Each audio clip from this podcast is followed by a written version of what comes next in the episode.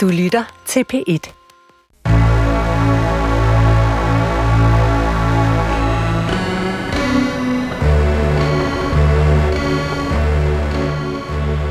Du har ringet til Hemmeligheder på P1. Tak for din hemmelighed. Vi lover at passe godt på den. Min hemmelighed er, at øh, jeg bliver mere ked af det, når dyr lider, end når mennesker lider. Og også faktisk, end når børn lider. Velkommen til Hemmeligheder på P1. Mit navn er Sanne Sigal Ben og jeg har netop afspillet den første besked fra den telefonsvarer, som du altid kan ringe til. Det eneste, du skal gøre, er at ringe med din hemmelighed på 28 54 4000. Og det gør I.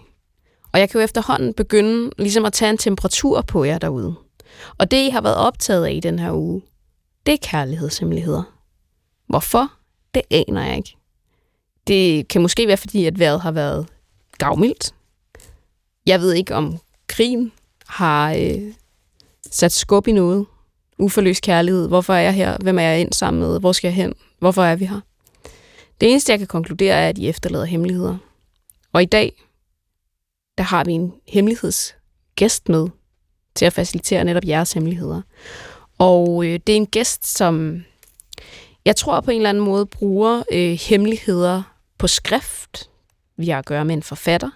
Måske gør hun ikke. Det kan også være, at det er en, det er en kæmpe myte om forfatteren, at de omsætter hemmeligheder til skrift. Men i dag er gæsten altså forfatter inde, Amalie Langballe. Velkommen til. Tak. Er det, er det helt forkert? Altså det der med, at man tror, at forfattere går rundt med en masse historier og en masse hemmeligheder og en masse fortællinger, og så grifler de dem ned i et eller andet øh, værk. Er det bare sådan en fuldstændig kliché om, hvordan det er at skrive? Mm. Nej, det synes jeg ikke. Øhm, der er jo altid der er jo altid noget med, at, at de, de sværeste hemmeligheder er jo det, man har for sig selv. Og jeg tror, at nogle gange, jeg har oplevet, når jeg har skrevet, at, at jeg har opdaget noget. For jeg synes tit, jeg synes sådan helt alt, alt det med at skrive, er en øvelse i at, øh, at sige det sandeste, altså sådan, fortælle det, det sandeste, du ved. Øhm, og det kan godt føles som en, altså, som en opdagelse af noget, der, føl, der føles hemmeligt, øh, men som, ikke, altså, som er hemmeligt for en selv også. Øh, så det er ikke, fordi jeg sidder sådan og tænker, at jeg har sådan et katalog af, af, andre, altså, af hemmeligheder, jeg kan gå og, sådan, og arbejde på, men jeg kan godt opdage noget i mig selv i processen, som føles hemmeligt. Øh. Gud, det er interessant. Altså nærmest nogle lover, du åbner undervejs, som du, ind, eller som du indser undervejs, er hemmelige for dig? Ja. Eller som jeg ikke har vidst stå ved. Altså, det er jo, det er jo også igen det der, altså, så er der også sådan, der er, der er noget, der hedder, altså noget, der hedder hemmeligheder, som, som man måske klassisk kender, men så er der også noget, der hedder skam, ikke? Altså, at man kan opdage, gud, jamen, det var jo det, var jo det her, jeg, jeg mente. Altså, jeg har tit sådan en følelse af, at jeg føler ting, uden at vide, hvor det kommer fra. Og at jeg først, at jeg ligesom skal efterrationalisere forklaringen på mine reaktioner. Øhm, og det gør jeg meget gennem skrift. Og det kan godt blive sådan en, at så opdager man noget, man, man nok har gået og holdt hemmeligt, ikke? Og det, du griber fat i, er skammen. Og du sætter det næsten op over for hinanden. Altså, der er hemmelighed, og så kan der være noget, der er skamfuldt. Eller er hemmeligheder altid skamfulde?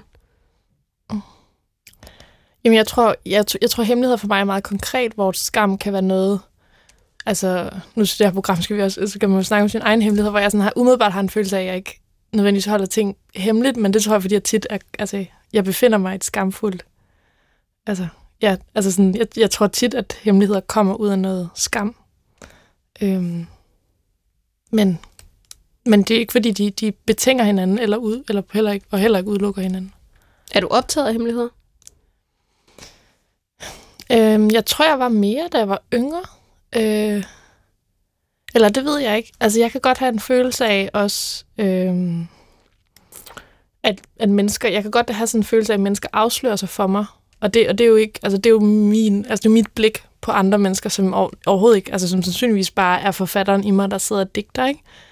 Øhm, men sådan, jeg synes, jeg synes tit, jeg har sådan en følelse af sådan, øh, altså det, nu er det været, nærmest ved at være et år siden, men jeg havde sådan en oplevelse med en kvinde, hvor jeg var i svømmehallen øh, hvor jeg, jeg lå inde i saunaen, så hun kunne ikke se mig, og så så jeg, hvordan hun vaskede sig. Øhm, og så vaskede hun sig sådan... Altså hun, havde nogle, altså hun havde nogle deller på maven, og så løftede hun ligesom de der deller for at, at komme, til at komme til at vaske sig ordentligt, hvilket var fint.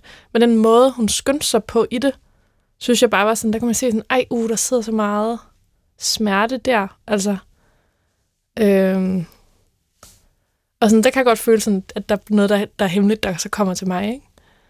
Jo, der er jo, der er jo næsten noget, man kan sådan kategorisere som sådan noget hemmelig opførsel, som man har, når man ikke tror, andre kigger. Ja. Øh. Som næsten lyder som det, hun har gjort, ikke? Altså, at det er et ritual for hende, man har gør det hurtigt, fordi...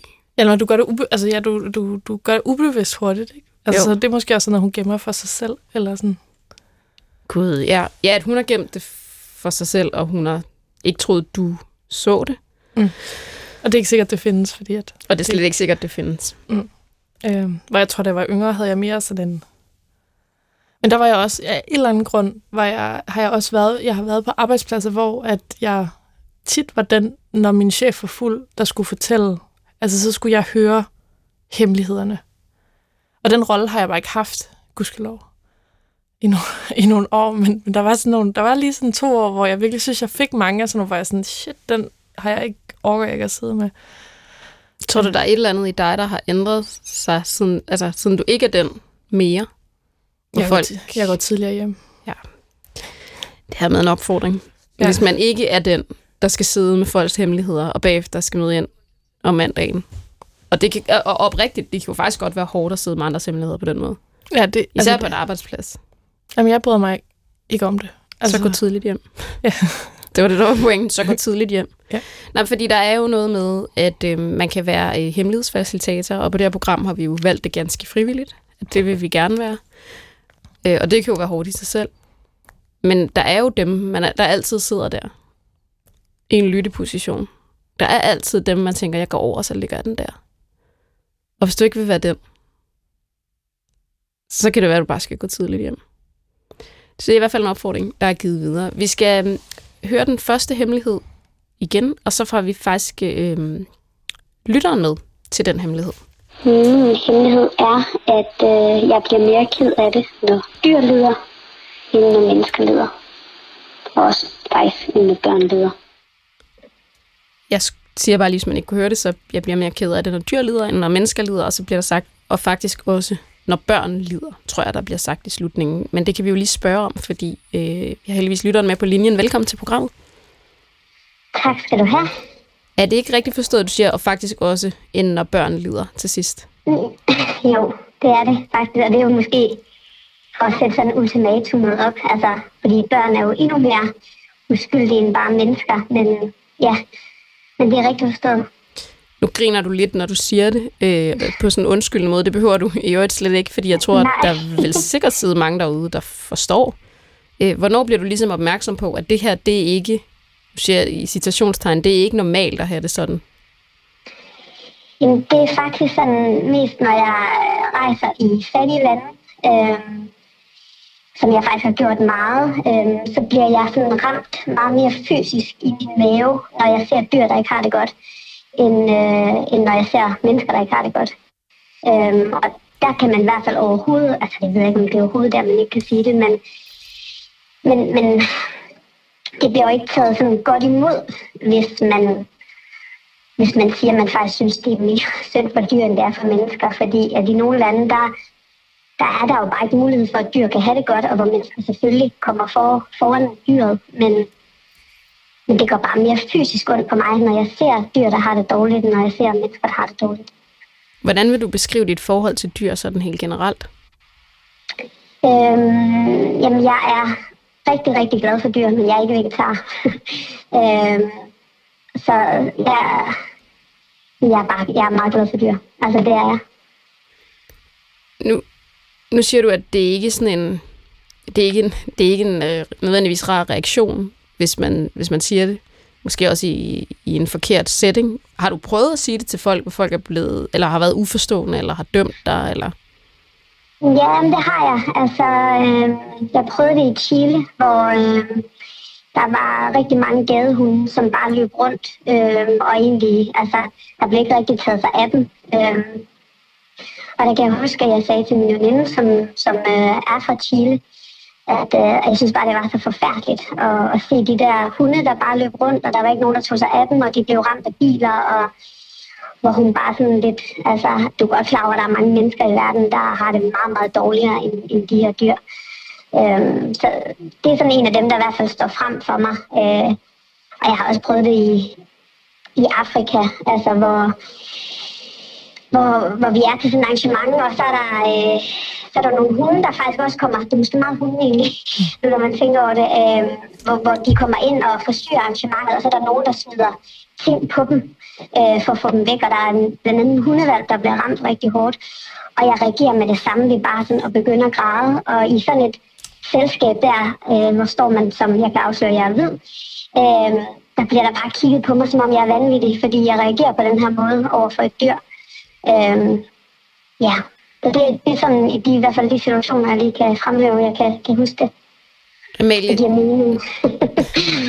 Amalie, når du hører sådan en øh, hemmelighed som den her, kan du så... Mm, kan, du, kan du relatere på nogen måde? Altså, kan, eller kan du ikke nødvendigvis forstå, men ligesom respektere, at nogen har det sådan? Ja, øhm, i et eller andet omfang kan jeg nok også forstå det. Øh, altså, jeg har været vegetar siden jeg var 11, og det blev jeg, det blev jeg fordi, at, altså, at, at, der, at, det, at jeg synes, slagterier så grimme ud, og jeg netop havde sådan en, når man kørte forbi dem, at øh, jeg er fra landet, øh, så det gjorde mig en del. At jeg synes, det var, altså, sådan var frygteligt. Altså, det var også en meget sådan følelsesmæssig og det, det, det er nemmere at sige, at man er vegetar, fordi det er på grund af klimaet eller sådan et eller andet, men, men det, er, altså, det er, fordi jeg synes, det er synd for dyrene. Øhm, det er så i hvert fald sådan, det starter. Øhm, så jeg tror godt, jeg kan, altså, jeg kan godt relatere det, og man kan jo ikke, altså, man kan jo ikke styre sin, altså man kan jo styre sit rationale, men man kan jo ikke styre sine følelser. Men er der noget med, er der bare noget med, med, med, med dyr? Altså jeg, jeg har det ikke sådan med dyr. Jeg har sådan lidt et problematisk forhold til mange dyr, synes jeg. Øhm, men hvad, hvad er det, der er med dyr? Altså prøv sige begge to. Prøv ligesom at for, hvad er det, hvor sidder det henne i jeres krop, altså når det går ondt på jer? Hvad er det, hvor går det hen? Altså for mig er det sådan noget uskyld, der er omkring dyr. Altså øhm, at det tit er altså os mennesker, der sætter dem i lidelse. Øhm, det er os, der udnytter dem, det er os, der tager deres territorier, det er os, der... Altså, hvis vi ikke blandede os i deres forhold, så var der ikke mange af de dyr, der ville sådan genere os. Øhm, så jeg tror, der er sådan en uskyldighed i dem, som jeg... Ja, altså, øh, hvor jeg synes, det er os, der går ind på deres territorier. Jeg tror, jeg er meget enig. Altså, det er den, det er den. Ja, det er sådan en udvidet ansvarsfølelse. Ja. Øhm men som du på en eller anden måde synes alligevel rangerer over mennesker, eller som bare er en udvidet ansvarsfølelse? Ja, jamen, jeg, øh, ja, jeg, jeg tror ikke, jeg vil, altså, det er ikke at, sådan, men, men jeg, jeg sætter dyr enormt højt. Jeg tror ikke, jeg, vil, jeg ved ikke, om jeg, hvordan jeg lige vil rangere det mellem, altså, mellem, mellem børn og så, og så mennesker, men jeg kan godt sætte, ind, altså, jeg kan godt sætte, sætte mig ind i den der umiddelbare sådan, øh, følelsesmæssige reaktion på, at at vi, altså, at vi, altså jeg, jeg, jeg kan også have det på sådan, altså jeg kan på have det sådan planetært niveau, at, at vi kommer med en masse, øh, altså med en masse intellekt som race, og, og med det følger et eller andet form for ansvar. Øhm, mm. Og det ansvar varetager vi ikke over for hverken planeten eller dyr nødvendigvis. Altså, øhm. Det kan jeg virkelig godt genkende det der. Altså, det, jeg tror, det er sådan en, en reaktion på, at vi burde kunne gøre tingene på en anden måde. Øhm, og det gør vi bare ikke. Øhm, og sådan, du spurgte også, hvordan det føles. Altså, og det er der, hvor, jeg, hvor det sådan rammer mig nogle gange, det er, hvis jeg sidder på Instagram eller et eller andet, og jeg ser videoer med dyr, der lider. Altså, øh, så jeg får tårer i øjnene med det samme, jeg får ondt i maven med det samme, jeg får det simpelthen så dårligt. Og jeg har ikke samme reaktion, når jeg ser mennesker, og så kan man måske også tolke på, at det er fordi, man jeg ved ikke, om man ser det mere, eller hvad man gør, men fysisk reagerer jeg bare anderledes, når jeg ser noget med, med dyr, end jeg gør med mennesker. Ja, og det er nok der. Du... Det er det, man ikke siger. ja. ja, og netop lige til det, altså med det, man ikke mm. siger.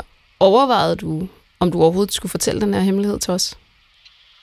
Ja, altså, øh, det gjorde jeg lidt, og jeg var også lidt langsom om at svare, fordi at jeg kunne ikke finde ud af, om det sådan også var en, altså både en skør hemmelighed, fordi hvad er det for en type hemmelighed? Det er jo ikke noget, jeg sådan går og bliver konfronteret med hele tiden.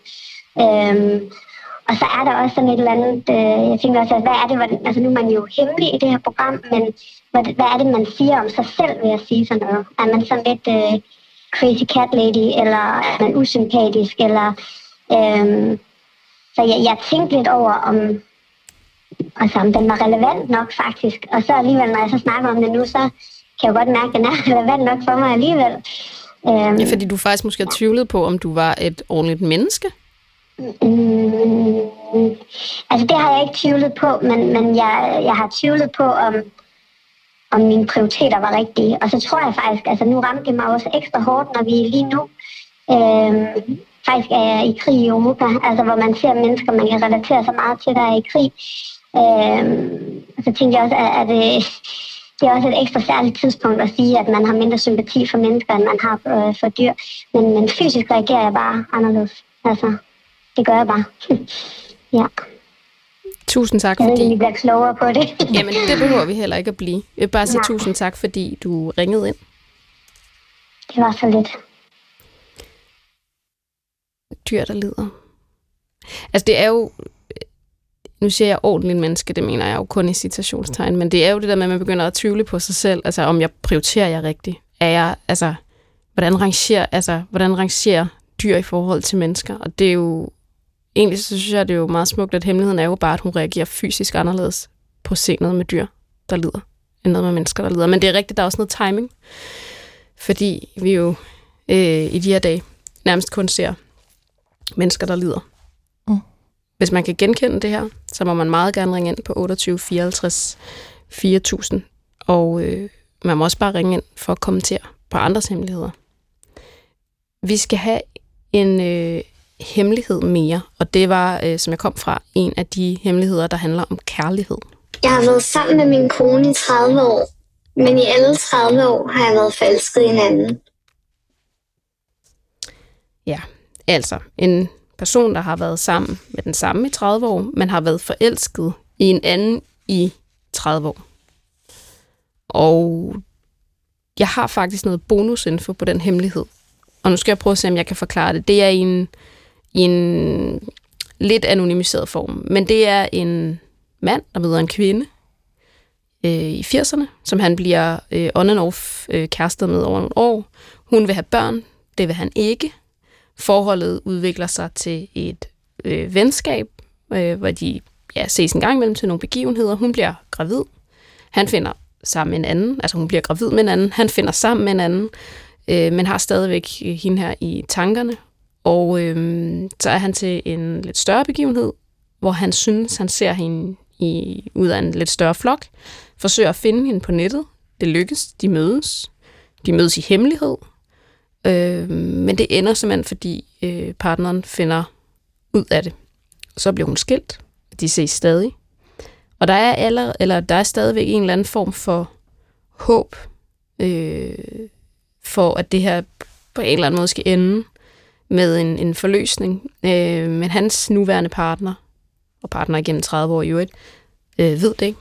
Så det er sådan en kærlighedshistorie, som er jeg ved ikke, 30 år er meget lang tid for mig. Jeg er 36, så jeg synes 30 år er ikke, altså det virker som uendelig lang tid med uforløst kærlighed, men måske er uforløst kærlighed øh, øh, også det største. Så det kan være, det er derfor, den er, den er fortsat og fortsat. Øhm, og jeg ved, at det her det har været en hemmelighed, som har været øh, sm- ikke nødvendigvis smertefuld at dele, men der har været mange overvejelser om, hvorvidt han skulle dele den, og der har været øh, mange forbehold. Hvad tænker du, når du hører om, at en har været forelsket i en anden i 30 år? Jeg synes, det lyder enormt smertefuldt. 30 år. Du, hvor gammel er du? 29. Ja. Så lige så lang tid, som du har eksisteret på planeten Jorden, har den her person været forelsket i en anden, som han ikke har haft rigtigt. Altså aldrig rigtigt har fået. Mm. Men det kan jo, som du selv er inde på, det kan jo næsten være, måske være betingelsen for det. Altså drivkraften. Ja, altså... Tror du ikke, at det kan være sådan en... Øhm, og nogle gange så får vi også bygget fantasier op, at de er så rare, at det... Eller ikke fant- altså, fantasier, så lyder det som om, at, at vedkommende bare sidder og drømmer om en masse, der ikke kunne eksistere, men at, øh, at virkeligheden nogle gange har svært ved at leve op til, hvad, altså til, til, til den tanke, der hedder, men hvad nu hvis? -agtig. Jo, også, og så hele altså, spændingen hen imod noget, som, som aldrig bliver det genkendelige i smerten, som helt sikkert også kan blive noget, man kan trives i, tænker jeg. Giver mening. Fordi man ved, at det netop som du siger, altså, hvem, hvem ved, hvis det virkelig skete, om det ville være, mm. om det ville være så smukt. Mm. Jeg tror i hvert fald, at altså, øh, og, og det siger jo så med, med kun 29 år i bagagen, ikke? Øh, men jeg ser det lidt som sådan et, ikke nødvendigvis et menneskeligt vilkår, men, men jeg synes, jeg efterhånden, som jeg bliver ældre og ældre, så kan jeg jo se, at for mange er det gode liv ikke nødvendigvis det lykkeligste liv, men det liv, hvor at de får lov til at gentage og være i nogle mønstre, som ikke nødvendigvis er sunde for dem, men som de kender. Jeg tænker, at der er også en stor... Øh, der er en stor mening i at prøve at gå ind i at se, hvad der er lykkeligt og hvad der er meningsfuldt, og det er ikke nødvendigvis det samme. Desværre. Mm. Men det føles ikke altid hånd i hånd. Det meningsfulde og det lykkelige. Og en forelskelse er jo tit lykkelig, men ikke særlig meningsfuld. Og jeg synes, det er meget smukt, når en ringer ind. For jeg kan regne ud, at hvis man har været forelsket i nogen i 30 år, så er man noget over 30. Så jeg synes, det er meget, øh, det er meget, det er meget smukt, at den her person har taget tilløb til at ringe ind og fortælle det her, fordi det jo stadigvæk er noget, der sker. Altså tit så ringer man jo ind med en hemmelighed, som er sket for lang tid siden. Men det her, det står stadigvæk på. Og jeg gad godt vide, hvordan det forhold er, som stadigvæk er med den partner. Altså er det stadigvæk, kan det, kan det være meningsfuldt, samtidig med, at man er forelsket i en anden? Jeg ved det ikke. Men det gad jeg godt at vide. Så hvis du lytter med derude, så må du meget gerne ringe ind og fortælle om, hvordan det liv, du lever med den partner, du har, er. For nu bliver jeg nysgerrig på det. Har du nogensinde prøvet at... Har du nogensinde prøvet at være forelsket? Vanvittigt dårligt spørgsmål. Har du nogensinde prøvet at være forelsket i nogen over... Altså, det er jo så umuligt med 30 år, men lad os sige over en længere, altså over en lang periode, også nu siger jeg næsten for lang periode. Jeg, jeg, jeg tror, jeg er lidt på den måde, er nok sådan lidt sådan en... Øhm, hvad fanden skal man sige? Øhm, altså, jeg er lidt sådan en sart stueplante. Altså, som, som virkelig har brug for, altså sådan mine følelser, hvis ikke de bliver nære. Altså sådan, Du skal vandes. ja, de, de, jeg skal virkelig, altså, der skal virkelig være noget, og, og, og der skal nok måske nærmest være for meget, for at jeg ligesom kan vedligeholde en forelskelse. Øhm, så, altså, øhm, nu er det jo ikke, altså, der er jo intet, der er jo intet, det er jo ikke, fordi man kan ikke måle kvalitet, altså kvalitet kan ikke op udmåles i tid, øhm, så, så det, men, men, men min, mine forelskelser er som regel korte og intense. Ja, for du tænker, at den, mm, den ihærdighed, der ligger i så lang en forelskelse, hvor den ikke bliver, altså den kan jo umuligt blive vandet. Altså, når du ikke ser hinanden, den kan ikke gødes, den, kan- den kan ikke stikles, eller hvad fanden man gør med planter. Altså, så, så tænker du, så vil den, så vil den sive ud. For mit vedkommende. Altså på samme måde som, at jeg også, altså nogle gange, når man læser de der, når man læser sådan kærligheds øh, brevudvekslinger fra 1800-tallet, jeg tænker bare, shit, mand, det havde jeg ikke givet. Ja, det der Eller- med, at så eller skriver havde du et brev til din udkårner, han er ikke krig ved fronten, og så tager det 25 eller, år, og så... øhm, nu så jeg en dokumentar om Knud Rasmussen her den anden dag, ikke? Altså sådan, så far han rundt op på Islandsisen af tre, altså i tre år i gangen, og så sidder hans kone derhjemme og skriver breve, og de skriver breve til hinanden, og de elsker stadig hende. Jeg skriver sådan, øh, ikke hede brev, nok så meget sagt, men, men du ved, sådan en, altså meget kærlighedsfuldt, i hvert fald i perioder, og smertefuldt og sådan noget, hvor jeg bare tænker, shit, hvis jeg havde været hende, så havde jeg bare det havde måske også, måske havde hun, altså, måske havde hun en masse ved siden af, men, men i hvert fald, og så, øh, og så gik hun bare hjem og digtede lidt. Men, øh, men det havde jeg bare ikke kunnet. Altså, Nej, det er meget interessant med, med kærlighed, hvad, hvad det er, man nærer sig af. Måske næres nogen af fantasien. Altså måske synes hun, det var vildt fedt, at han løb rundt deroppe på isen, fordi at det gjorde, at det var meget mere øh, spændende eller intens, hvad ved jeg. ja, smerten var interessant, eller sådan, altså, det tror jeg, der er nogen. Det tror jeg også er derfor, der er nogen, der kan synes, det er dejligt at have kærester i, altså, kan, kan, kan lide ideen om at, sådan, at få en kæreste i udlandet og blive sammen og sådan noget, ikke? Altså, Kan smerte og kærlighed noget? det tror jeg, der er for mange. Det tror jeg, der er det nærmeste det eneste, der virker. Vi skal have en, øh, og jeg siger det lige med det samme, vi skal have en øh, kærlighedshemmelighed mere, og den kommer her. Jeg fantaserer om at slå op med min kæreste for at være sammen med en, jeg har været sammen med en gang. Øh, ikke for at være kærester eller have nogen relation, men bare for sexens skyld en enkelt gang. Og jeg tror, det gode er, at vi har lytteren med på telefonen, fordi der, er, øh, der er ret mange spørgsmål, jeg håber, vi får lov til at stille. Velkommen til programmet. Tak. tak. Øhm, hvor, nu starter jeg bare et sted. Ja. Hvorfra kommer den her øh, tanke eller behov, øh, hvor du tænker, at du vil være sammen med øh, en person, du tidligere har været sammen med? Jamen, det er jo bare lidt en fantasi, som, som så meget andet. Men som ligesom lidt, den her person er lidt sådan noget billedligt på før, at jeg var i, en, i et forhold, og ligesom før. Så det er sådan lidt håndgribeligt. Lige den her person. Så altså, der er et specielt forhold til den her person. Ja, eller sådan en speciel tanke, når jeg tænker på personen. Og hvad er det for en tanke? Jamen, det er bare sådan, at det, det, var, lidt, det var det sidste, før at jeg var i et forhold. Og så er det ligesom sådan, det, der er tættest på ikke at være i et forhold, hvis det giver mening. Jeg tror, det giver mening, men lad mig lige prøve, så når jeg forstod det rigtigt. Altså, det er det, er det der er tættest. Du har, lige, du har været i et forhold. Det er det, der er tættest på et forhold. Nej, okay, ved du hvad, jeg tror faktisk ikke, jeg forstod det, forstod det helt. Altså, jeg er i et forhold lige nu. Ja. Men det, at jeg var sammen med den anden person, det var det sidste, der skete, før jeg kom i et forhold. Mm. Og så er det ligesom sådan, hvis jeg nogle gange har det lidt svært med at være i et forhold, Mm-hmm. så er det ligesom sådan min, min flugtfantasi. Ja, det er din exitplan. Ja. Hvorfor skal det kun være én gang? Mm, det er fordi, det ikke er en person, der er særlig vigtig for mig, eller betyder noget andet end det for mig.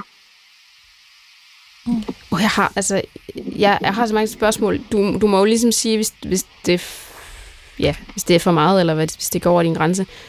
Øh, du kan alligevel ikke slippe den her person. Nu siger du, det ikke Nej. betyder så meget, men der må alligevel være et eller andet ved den her person. Ja, det kan jeg ikke rigtig beskrive, hvad er. Ja, hvad siger du? Det kan jeg ikke rigtig forklare, hvad er. Nej, det er noget udefinerbart.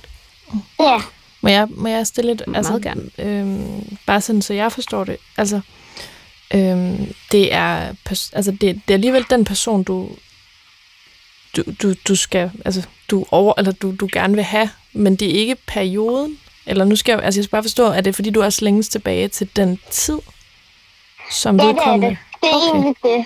Og så er det ligesom en personificering af det. Der, ja, okay. Og hvad var det ved den, altså var, var det det, at du ikke havde en kæreste, eller var, det, var der andet ved den periode, som, Nej, det var bare det. okay. Hvad er det, mm, hvad, hvad, væk, kan man sige, hvad vækker den her person i dig? Mm, bare sådan lidt, sådan lidt, øh, lidt ligegyldighed eller sådan useriøsitet. Som ligesom lidt er et afbræk fra at være i et forhold, synes jeg. Ja, altså sådan det forholdets øh, øh, modsætning, som man jo ofte kan have Ja. brug for. Ja. Hvor lang, må man, hvor lang tid har du været i forholdet? Øh, to år og så lidt mere. Ja.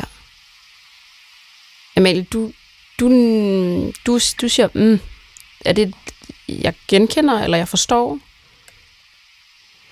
Mm. Ja, jeg tror, ja. Altså, jeg tror altid, øh, altså, at man, øh, at, at, altså, sådan har jeg det i hvert fald, at jeg er svær at gøre tilpas i, i noget som helst. Så øh, jeg havde, øh, det, inden det sidste forhold, jeg gik ind i, havde jeg, øh, havde jeg helt klart, altså sådan, jeg havde en, jeg så med sådan parallelt i sådan de første to måneder.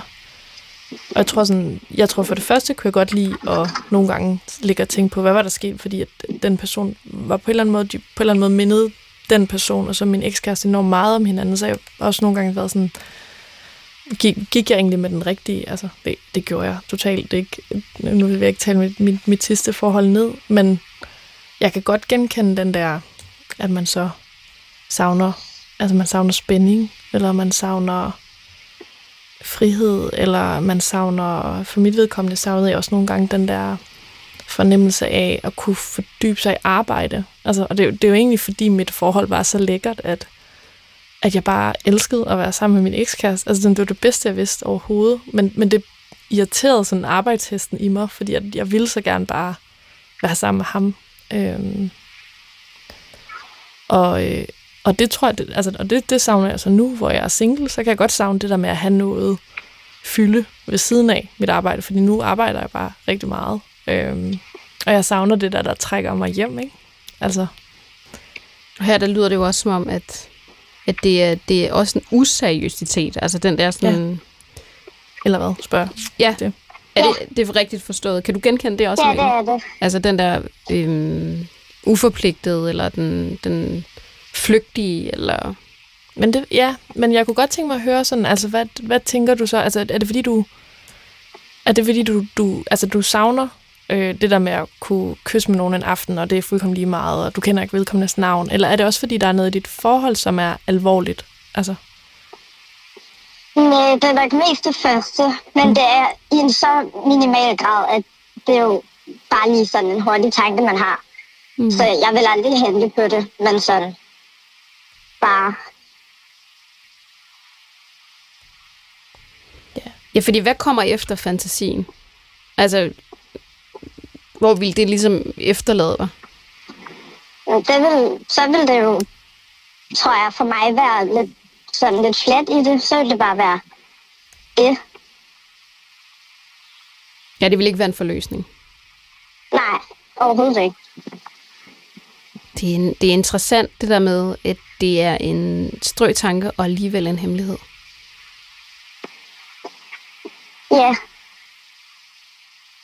Var du, var du bange for at efterlade din hemmelighed herinde? Eller tænkte du, ej, nu, nu siger jeg det bare lige, eller har du sagt det til andre? Jeg tænkte, jeg bare siger det lige. Ja. ja, altså jeg har snakket med en af mine venner om det, men det er bare, du ved, hvad man lige tænker og snakker om en eller anden dag. Ja. Øhm, mange tak, fordi du gad at dele det med os. Ja, det var så lidt. Det, det er interessant det der med, når folk ringer ind, om det er sådan en hemmelighed, de har gået med i, altså i 30 år, ikke? og efterladt, og er sådan, holder 20 pauser, og ligesom skal sådan samle mod til. Og så er der også nogle hemmeligheder, som faktisk bare lige er noget med at aflevere det. Og det kender, jeg kender det godt, altså det med at aflevere lige noget her. Og alligevel er der et eller andet, ikke? der er hemmeligt. Fordi måske ville det også være det forhold, hvor man bare kunne sige det. Ikke? Sige, jeg har det lidt sådan her. Der er et eller andet, der er hemmeligt. Så det er jeg glad for. Det er glad for, at vi lige kunne få øhm, spurgt. Mm. Det er det, der er med de der hemmeligheder, hvor vi kan få lov til at spørge, er bare øh, tit lidt lettere og tale om. Men der er også nogle hemmeligheder, som øh, bare lige skal lyttes til, og det her, det er øh, en af dem. Hej. Um, jeg køber aldrig toiletpapir. Det skal være på mit arbejde. Det er fuldkommen latterligt, det koster ikke noget, men nej. Jeg er offentlig ansat. Så det er det her en selektiv lønforhøjelse. Vi får sgu aldrig noget. Ingen julegave, ingenting. Så er sygeplejersken. Og hej. Jeg køber aldrig toiletpapir. Det er det, der bliver sagt. Og så er der en, og det kan jeg godt lide, der er ligesom sådan en, ikke en aggressiv øh, tone, men jeg kan godt lide det der med, at vi får sgu aldrig lønforholdelse. Der skal godt nok øh, hives meget toiletpapir med hjem, for at udligne den lønforskel, må jeg bare sige, for en sygeplejerske. Men det er jo meget sjovt, at det er en hemmelighed, fordi jeg tænker lavpraktisk, hvordan får man hævet alt det der toiletpapir med hjem? Altså, øh, er det noget med, at man lige sådan har en pose med på toilettet, og så lige inden man går, så hiver man lige, så hiver man lige to ruller ned af, altså, der er jo noget i nogle af de her hemmeligheder, som er sådan komisk. Mm. Og Det jeg er håber bare, at det er, øh, at det er godt toiletpapir. Altså, fordi jeg Ja. tænker, du tænker, jeg tænker den der lag. store... Jeg tænker, jeg, jeg tænker sådan, er det de der, du ved, de der, sådan, som jeg forbinder med et offentligt toilet, ikke? Altså, den der helt store rulle, hvor at det er meget tyndt ja. papir, og det er sådan... Den, hvor fingeren ryger igennem, eller den, der krasser. Og jeg bruger altid, jeg bruger ekstremt meget toiletpapir, så det skal aldrig for mig. Altså, jeg tager sådan... Jeg, jeg sidder bare sådan, river, river, river, og så får jeg sådan... Altså, jeg kan sådan... Ja, En sky. Ja, præcis.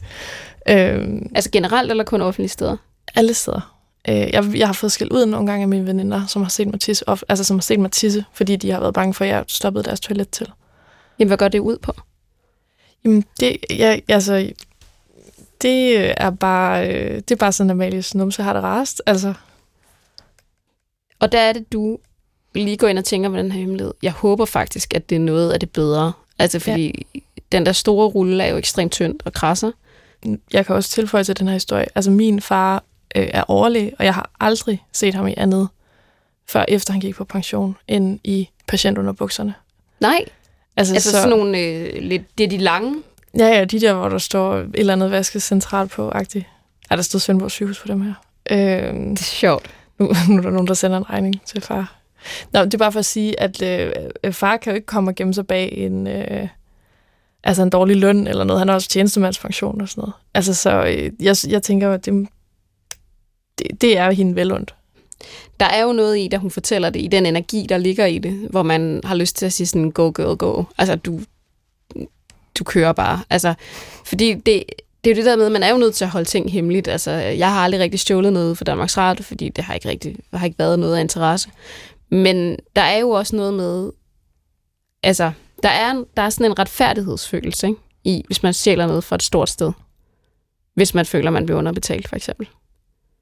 Der, jeg, kan, jeg, kan godt, jeg kan godt jeg kan godt sætte mig ind i, hvad det er, hun, øh, hvad det er, hun tænker. Og jeg må bare sige, som Amalies far, altså patientunderbukser, det er de bedste. Altså, hvis jeg havde muligheden. Det er de er klart altså bedste underbukser, der findes. Jeg, jeg har altid tænkt, at de så sådan frygtelig løse ud, men øh, hver sin smag. Og det er jo, altså, det er jo, det er jo netop øh, det bedste ved dem. Vi skal lige... Du skal fortælle en hemmelighed, det skal vi også huske at sige. Du skal fortælle en hemmelighed, og det... Det synes selv, du næsten sagde, at du ikke havde... Sagde du, at du ikke havde nogen hemmeligheder tilbage, eller at du... Jamen, at jeg, det er i hvert fald ikke noget, jeg... Altså, jeg er sådan en, som afleverer mange ting. Altså sådan ude, eller altså, at jeg kommer til. Altså, øhm, jeg er sådan... Øhm, du ved, altså min agent har været nødt til at være sådan, Amelie, du skal ikke snakke om din menstruation på dit arbejde. Altså, det, det er der ingen, der gider at høre om. Heller ikke Altså, mig. jeg synes, du udleverer for meget. Altså sådan, fordi jeg bare har sådan noget netop, altså når jeg kommer, så, og så er jeg ondt i, min, altså, så er jeg ondt i min menstruationsmave og sådan. Og det sidder jeg ligesom bare, det, jeg, jeg ventilerer hele tiden, når, synes jeg næsten. Altså, så, og, så det er ikke, fordi jeg egentlig ikke gerne, det er ikke, fordi jeg ikke føler skam, men jeg tror, det er, fordi min, min måde, at, eller, eller min måde at behandle det, der kunne blive til hemmeligheder, det er ligesom bare sådan, ah, få det ud, få det ud, få det ud. Så det er ikke en provokation. Det er bare at ventilere. Ja, det, det er totalt bare mig, der har brug for at, og ligesom at installere mig selv i verden og sige sådan, at jeg har det sådan her i dag, og jeg har bare brug for at sige det til nogen agtigt. Er det også en hemmelighed, der ligger inden for, altså for den der genre? Nu sagde du selv sådan noget menstruation, sex. Altså, hvad kan, hvor, hvilken retning går vi? Øhm, jeg har valgt noget, der er lidt mere... Øhm, jeg talte om... Altså, jeg, jeg har tænkt og tænkt, og jeg havde sådan flere ting, hvor jeg tænkte, jamen, jamen, det, det tæller måske som en hemmelighed. Men så har jeg noget, som er ret nyt, øhm, som jeg tænker, jeg hellere vil dele, og som er sådan en... Det er ikke nødvendigvis så meget en hemmelighed, men, men det var en af de oplevelser, hvor at da jeg lige pludselig tænkte den tanke, så gik det op for mig, Gud, men det her, det er en af de der hemmeligheder, jeg har for mig selv. Øhm, og jeg har ikke noget at sige det til nogen, fordi det er sket relativt for nylig. Nå, det er, skal vi næsten skal vi næsten bare springe ud i det?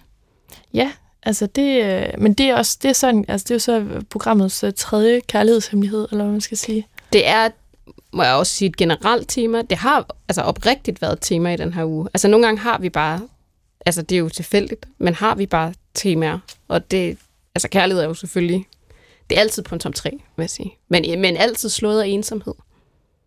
Nå, Det Måske hænger det også sammen. Trist, ja. Men det er jo bare sådan der. Nå, men skal jeg... Øh, Du må meget gerne Ja. fortælle øh, din hemmelighed, og du øh, er den lang? mm, jeg, kan, jeg kan moderere den. Nej, du skal gøre den Nå. fuldstændig. Du, jeg rykker lige lidt væk fra mikrofonen og tager lige en sluk vand. Ja, nej, men jeg... Øh, nå, men som jeg har nævnt tidligere, så har jeg en ekskæreste, øh, og vi slog op, da vi boede i Berlin. Og så fordi, at jeg, vi slog op i maj sidste år, så det er alligevel snart... Nej, vi slog faktisk op i april, så det er meget snart et år siden. Øhm, og jeg har boet sådan i- til, jeg har boet sådan fremleje steder, så jeg har ikke, det har ikke givet mening at få mine ting før øh, i den her måned, hvor jeg så flyttede ind i en lejlighed, jeg skal være i i to år. Og så fik jeg mine ting i fredags, og jeg gav ham på et tidspunkt sådan en gave, som er sådan en porcelænsbjørn, han elskede sådan, det var sådan tæt på, hvor hans forældre havde sommerhus for noget, der hedder, det er noget, min ekskæreste var svensk, øhm, og det er fra sådan en porcelæn, der hedder Gustavsberg, som er sådan nogle små, det er jo ret søde sådan porcelænsdyr, der bliver lavet der. Og den havde jeg givet ham på et tidspunkt. Og så da mine ting kom, og jeg gik og pakkede ud, så gik det bare op for mig, at, at jeg havde regnet med, at, den, altså, at han ville have pakket, givet mig den med, som sådan en, du ved, en sidste kærlighedserklæring. Øhm. Og det er ikke sådan, altså, jeg har haft det... Altså, jeg, har godt, jeg, jeg ved, altså, sådan, jeg er ret bevidst om, at jeg, at jeg er langsom om at komme videre. Men altså, jeg tror alligevel, jeg var sådan, ej gud, altså, var du dum, Amalie? Var det det, du tænkte? Altså, du tænkte, var du dum, Amalie? Ja, Det er jo Altså, enormt fordi- fint. ja, men det er også, altså, men jeg vidste godt, altså sådan, ja, det var sådan det, den der sjove oplevelse af ens, øh, altså ens hjerne har gået og tænkt tanker for en, man ikke rigtig sådan har været bevidst om. Fordi jeg vidste jo godt, altså sådan, hvis jeg ligesom havde tænkt igennem, sådan, hvis jeg ligesom havde sat mig ned og været sådan, okay, du ved, nu, nu tager vi lige sådan inventarlisten, altså hvad, hvad er mit og hvad er hans, øh, så vil jeg jo godt vide, at altså, han er pisseglad for den bjørn, den kommer, den kommer sgu ikke nogen steder, altså. Øh, men så var det ligesom, at jeg var sådan, da den så ikke var der, så var jeg sådan, nå, det var sgu alligevel, altså. Og det var fjollet, altså, fordi selvfølgelig, hvor- hvorfor? Og det er en gave, jeg vil også gerne have, han har den. Altså, ikke sådan en, altså, det er ikke sådan en, jeg, jeg vil gerne have den tilbage, eller sådan, så kunne jeg jo købe min egen. Men jeg havde bare forventet, at der ville være sådan, hvis ikke den, så sådan et eller andet, altså, budskab. Og sådan, "Nå, hvorfor? Altså, Men nu, nu har han den bjørn. Og det var, altså, det er hans. Det er hans, det er hans bjørn. Mm. Og det, du har tænkt, den lå i en af dine kasser. Jamen, ubevidst. Altså, sådan, ja. altså fordi ligesom, da den ikke var der, tænkte jeg det. Det var sådan, hvor er den bjørn? Hvad havde du tænkt, hvis den havde været der? Havde du så tænkt, tror du så ikke, du havde tænkt det modsatte? Altså, hvorfor har han ikke taget den bjørn, som jeg har givet ham, som... Nå, nej, så havde jeg nok tænkt, altså, så havde jeg kunne gå, så havde jeg kunne gå i den anden grøft og være sådan, han skal kraftedeme ikke komme og manipulere mine følelser mere nu. Ja. Altså, du ved, apropos det der med aldrig at være sådan helt tilfreds, uanset hvad der sker, det er jo, det er jo simpelthen bare min, øh, min vej gennem livet. Øh, Hvad tror du egentlig, hvor tror du, den der bjørn er? altså, jeg tror, at den står, hvor jeg forlod den, som var vores øh, kontor i, øh, hvad hedder det, i Kreuzberg. Eller vi, altså, vi havde, en, vi havde kontor i vores lejlighed. Det var ikke, fordi vi havde et kontor ud over vores lejlighed. Hvor stor er den her bjørn? Nu viser jeg sådan en, Mhm. mm-hmm. en god øh, knytnæve frem. Og den er lille? Ja. Ja, så den, den, den findes lille, i flere størrelser. Den- Den kan mærke det. og det her, det var den lille. ja. Så det er en lille porcelænsbjørn på størrelse med en knyttet hånd. Ja, og så sådan noget brunt. Jeg, jeg, jeg, jeg har altså dår- dårlige ord for sådan noget. Øhm, jamen, jeg tror, jeg tror stadig, det hedder pos- er porcelæn og lertøj det samme. Nej, jeg ved det ikke. Men Nej, sådan nej altså brun- du tænker ikke, den er ikke lavet af keramik, den er lavet af porcelæn jo. Altså, den er, den er lavet af porcelæn. Okay, jeg, jeg vidste ikke, der var forskel på... Nå, Det, der, der, det er der. Eller, Ja, okay. det tænker jeg, der er. Så den, Og jeg ved ikke, men det er sådan, hvis du kan forestille dig sådan noget 70'er brun, og nu ved jeg så ikke, om jeg Mhm. skal sige keramik eller Mhm. lertøj, eller øh, jeg forestiller mig porcelæn, ja. Øhm, og så er den bare en bjørn. Der står sådan, den står lidt og kigger med siden til. Ser den utilfreds ud? Den har et meget øh, svært udseende at afkode. Jeg tror, den ser en lille smule overrasket ud. Det er sjovt, fordi da du ruller historien ud, så tror jeg, du vil fortælle, at det, der sker, det er, at du pakker bjørnen ud, og at han har givet dig den tilbage, og den så ligesom ikke har betydet noget for ham, og det er en hemmelighed, fordi du er skamfuld over, at, at du lader dig påvirke af, eller sådan, at han stadigvæk betyder noget, eller sådan, men, det, men det er omvendte foretegn, han har beholdt noget, som han har fået af dig, som har en affektionsværdi. Det er meget, det er, en, det er interessant. Mm. Ja, eller sådan, det, det har, jeg ved ikke, om den har affektionsværdi, men det er sådan for mig, eller, men, men jeg tror bare sådan, ja, at jeg ligesom, jeg vil bare gerne have et eller andet sådan vidnesbyrd om, at han stadig holder af mig. Selvom det jo er okay ikke at holde af sin ekskæreste, når man har slå, været slået op i et år. Jeg tænkte jo, at han holdt af dig, fordi han har beholdt den. ja, men så, men så skulle der jo have ligget noget andet. Altså, skulle så skulle der ligge en, en anden ting. Et andet, noget andet med et budskab.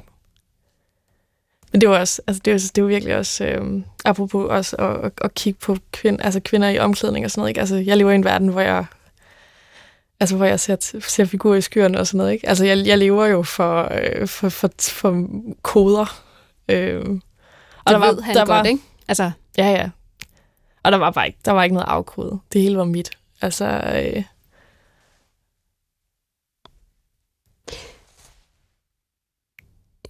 Altså, det begynder at gå op for mig, at du om nogen forstår egentlig uforløst kærlighed, selvom at du siger, at du ikke har tålmodigheden. Så er der jo noget i det her med koder, og øh, der er et år, altså jeg er med på, at et år er ikke 30 år. Og det kan være, at du stadigvæk om 29 år sidder og tænker på så koder. og venter på, den der bjørn, der kommer i posten. Ja, det. Men det tror jeg lidt, jeg gør. Eller sådan, jeg har sådan noget, øh, jeg har det også med min første ekskæreste, som jeg havde, da jeg var 20, at jeg, altså, at jeg har sådan en idé om, at, at på et tidspunkt sker der noget i den relation. Eller sådan, altså jeg lever meget i min, i min fortid. Jeg har også, øh, jeg har lige tilmeldt mig sådan et, altså, og det er endnu mere åndssvagt. Altså, øh, jeg havde sådan en i gymnasiet, som gik en årgang over mig, og vi kiggede, gik og kiggede rigtig meget på hinanden. Og så øh, til en gymnasiefest, der, øh, der tror jeg sådan, vi endelig sådan, det er ligesom om, der, skal, der kan jeg bare mærke sådan, at vi skal endelig sådan kysse, eller sådan øh, snakke ægte, eller sådan noget. Og så på et eller andet tidspunkt, så står vi og snakker, og så, og så rækker han, så læner han sig sådan ind mod mig, og jeg er sådan, det her, det er nu, nu sker det, fandme. Og, øhm, og så læner han sig ind, og så siger han, vi skal alt det her, men ikke lige nu. Og altså, ikke lige nu er ikke kommet. Øh, så og jeg er lige sådan, det lykkedes mig i min coronatoger, øh, lykkedes det mig endelig at komme i tanke og finde ud af, hvad hans efternavn var. For det havde jeg så noget at fortrænge i, i mellemtiden, så nu er jeg sådan tilmeldt mig et eller andet øh, online kursus, hvor han får foredrager om noget, bare fordi jeg gerne lige sådan vil se ham. -agtigt. Vi skal Øh. det her, men vi skal det bare ikke lige nu. Vi skal, Ja, alt, vi skal alt det her, men ikke lige nu. er måske det noget af det mest poetiske. Altså, man kan sige som 20-årig til en hvad, gymnasiefest, eller, mm. Jeg har ikke, skal har alt ikke nødvendigvis været 20 år, altså. men vi skal det bare ikke lige nu. Hold da op. Det er det, jeg lever for. Altså, er det bevidst, at du vil du helst leve i fortiden? Altså, fordi de fleste taler jo altid om, at man skal leve i nutiden, og man skal helst leve, altså, at livet er nu. Og der, jeg tror ikke, Carpe Diem er opstået af, det er ikke opstået af ingenting. Men lever du bevidst, nu, nu har du bare selv sagt det på, lever du bevidst i fortiden? Mm. Jamen, det, nej, det tror jeg egentlig ikke. Altså, jeg har sådan noget med... Øhm, Jamen ja, nej, jeg, jeg tror, det, det, det, altså det er noget, jeg tror, det egentlig er også noget med at bearbejde sådan helt enormt langsomt. Altså, øhm, at jeg også tit, altså, jeg også tit, hvis jeg har været, hvis jeg har været på en ferie, så kan jeg komme hjem og være sådan, ej, det er fandme synd, at det ikke sådan gjorde større indtryk. Og så kan der gå et år, og så lige pludselig begynder jeg at komme i tanker om en masse steder, jeg har været, øh, altså på den der ferie, at, sådan, at, at det er ligesom om, så kommer det først der. Øhm, og det har jeg både med, altså med steder og mennesker og sådan. Så det er ligesom om, at jeg bare er sådan konsekvent bagud i min bearbejdning, altså i min sansebearbejdning eller et eller andet. Vi er lige nødt til at tage en hemmelighed og gå ud på. Min hemmelighed er, at min far gennem sit arbejde har været inde og finde fortrolige oplysninger om mig og min søster. Øh, for at se, om vi var blevet vaccineret mod corona. Og det er vi alle sammen blevet. Og både mig og min søskende er over 18.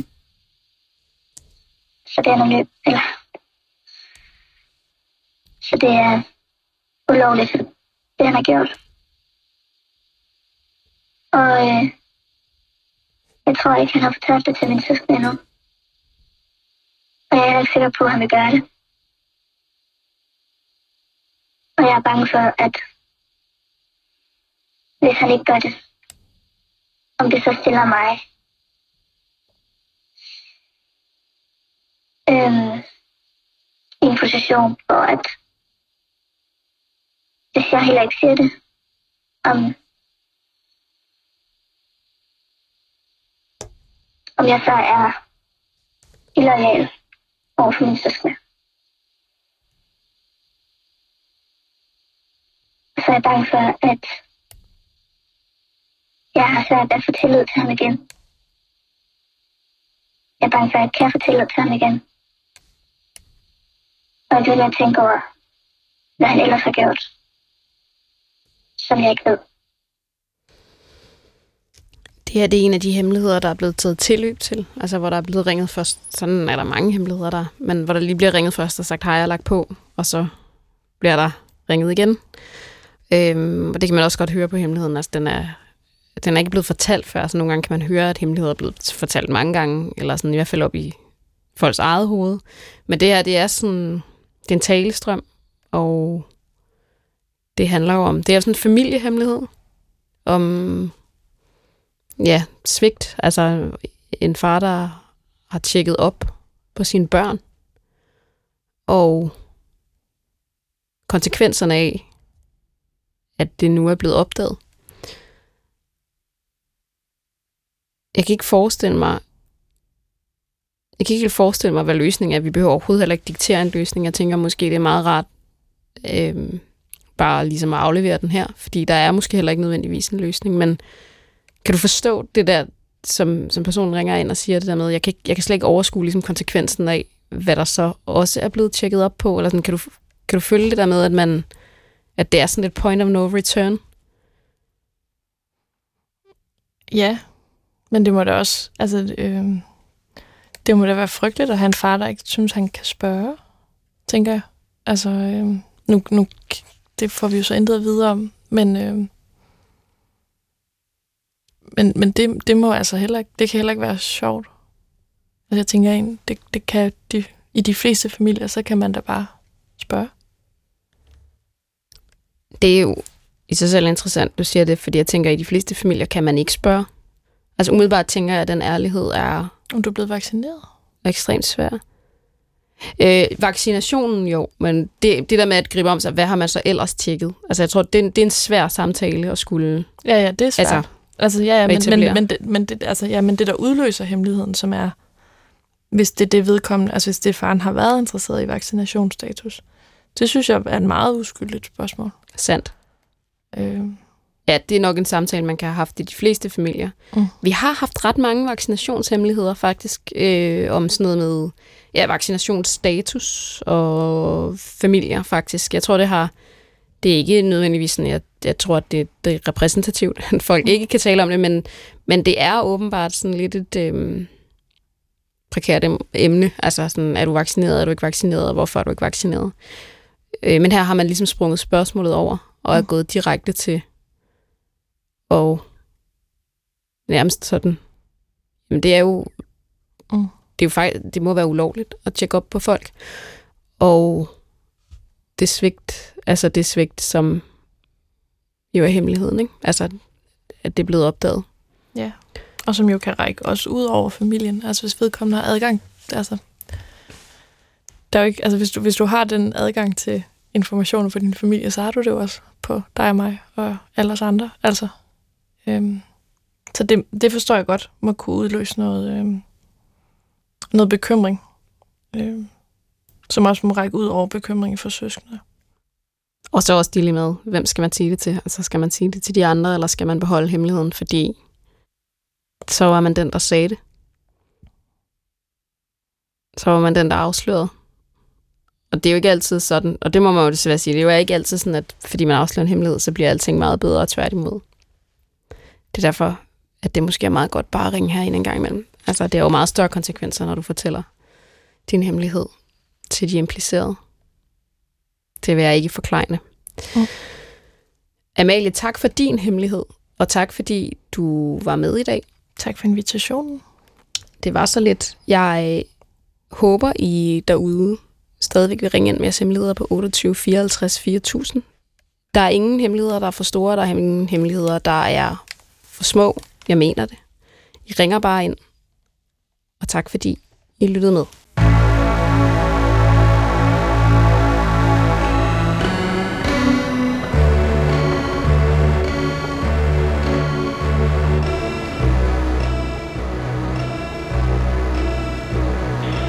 Du har ringet til Hemmeligheder på P1. Tak for din hemmelighed. Vi lover at passe godt på den. Gå på opdagelse i alle DR's podcast og radioprogrammer. I appen DR Lyd.